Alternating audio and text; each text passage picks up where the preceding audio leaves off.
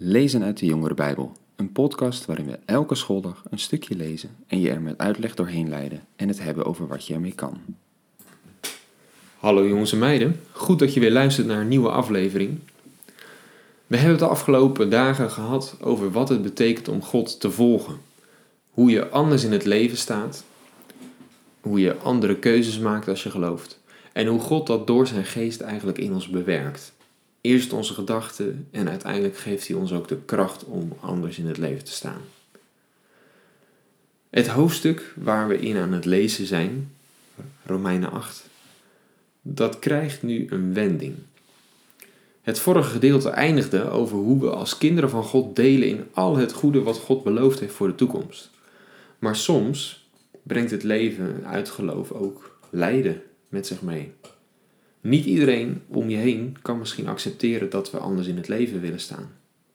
En sowieso gaat het leven van een gelovige niet altijd over mooie dingen en leuke momenten. ook wij kennen ziekte, lijden, wij kennen nare momenten, mensen van wie we houden die iets overkomt. Nou, daar gaat Paulus nu over verder. Vanaf vers 18. Laten we dat maar eens lezen.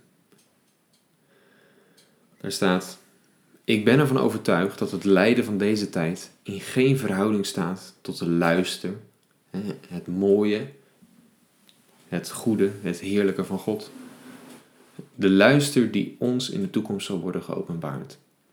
De schepping ziet er rijkhalsend naar uit dat de luister van Gods kinderen openbaar wordt. Want de schepping is ten prooi aan zinloosheid. Niet uit eigen wil, maar door Hem die haar daaraan heeft onderworpen. Nou ja, we weten het hè.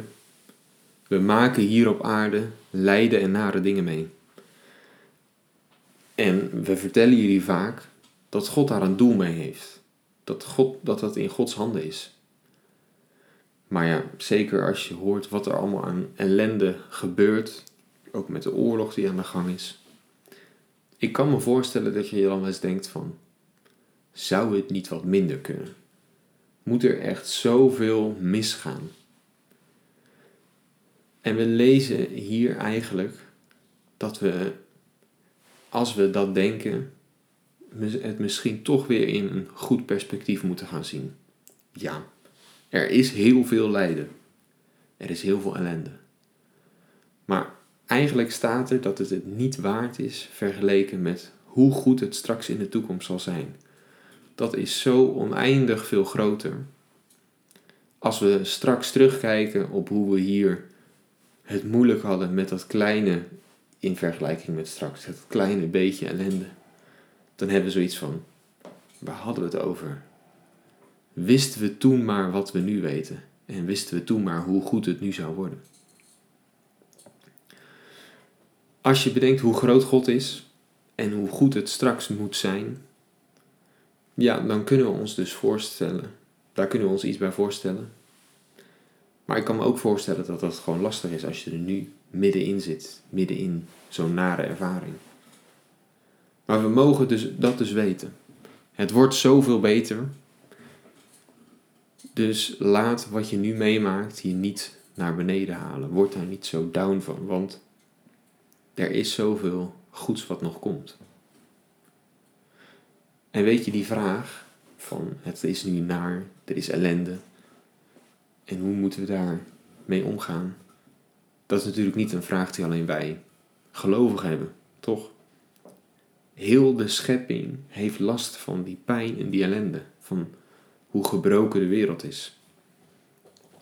En dat is ook waarom hier staat dat heel de schepping rijkhalsend uitkijkt naar het moment dat God alles weer goed maakt apart, hè? Alsof de schepping, heel de schepping daar iets van weet. Alsof heel de schepping weet wat er gaat gebeuren. Er staat zelfs dat ze niet eh, alleen wachten naar het, moment dat uh, God het weer goed maakt, maar specifiek het goede de, van wat door ons, kinderen van God, openbaar gemaakt wordt. Daar kijken ze naar uit, dat moment dat God komt om het ook met ons te herstellen. Ja, kun je daar iets bij voorstellen? De hele schepping die zucht en steunt onder al het nare wat er gebeurt. En de hele schepping die uitkijkt naar God die het weer goed maakt. Want, zo legt Paulus verderop uit, de hele schepping heeft er last van, is ten prooi aan zinloosheid. En waarom is dat? Waarom hebben ze daar last van? Hebben ze dat zelf gedaan? Nou, hier lezen we ook inderdaad dat God dat doelbewust heeft gedaan. Maar er is hoop, zo lezen we. En zo gaat het stukje ook verder. Er staat: Maar er is hoop, omdat ook de schepping zelf zal worden bevrijd uit de slavernij van de vergankelijkheid en zal delen in de vrijheid en luister die Gods kinderen geschonken wordt. Wij weten dat de hele schepping nog altijd als in barensweeën zucht en lijdt. En zij niet alleen. Ook wij zelf, die als voorschot de geest hebben ontvangen.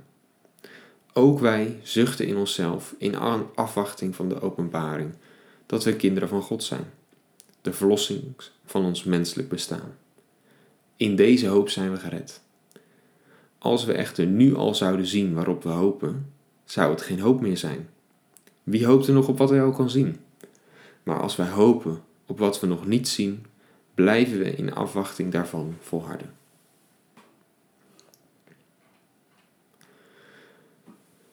Ook de hele schepping zal eens bevrijd worden en delen in die geweldige toekomst waar wij naar uitkijken. Dat is waarom de schepping met rijkhalsend verlangen daarnaar uitkijkt. En Paulus die gebruikt hier een mooie vergelijking. De vergelijking met het krijgen van een baby.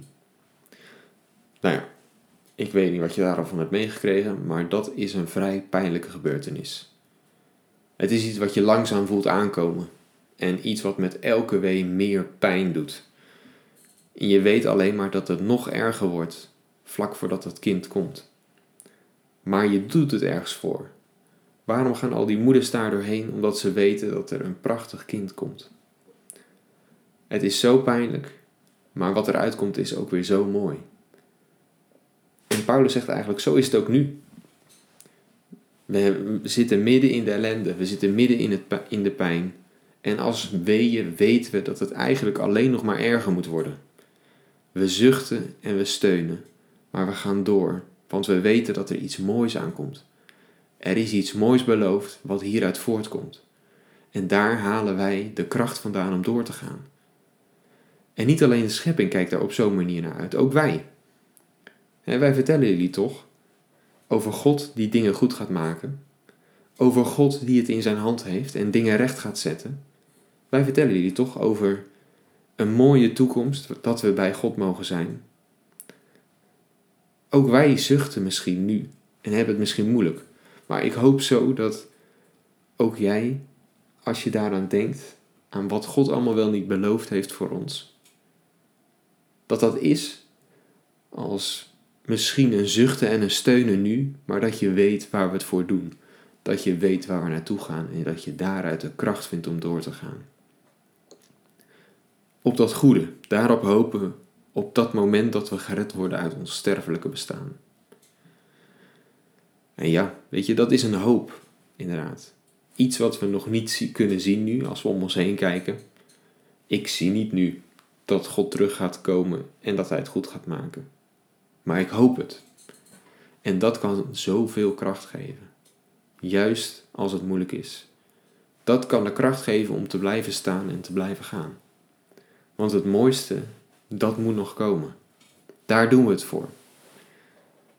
Denk daar maar eens aan vandaag. Morgen gaan we weer verder.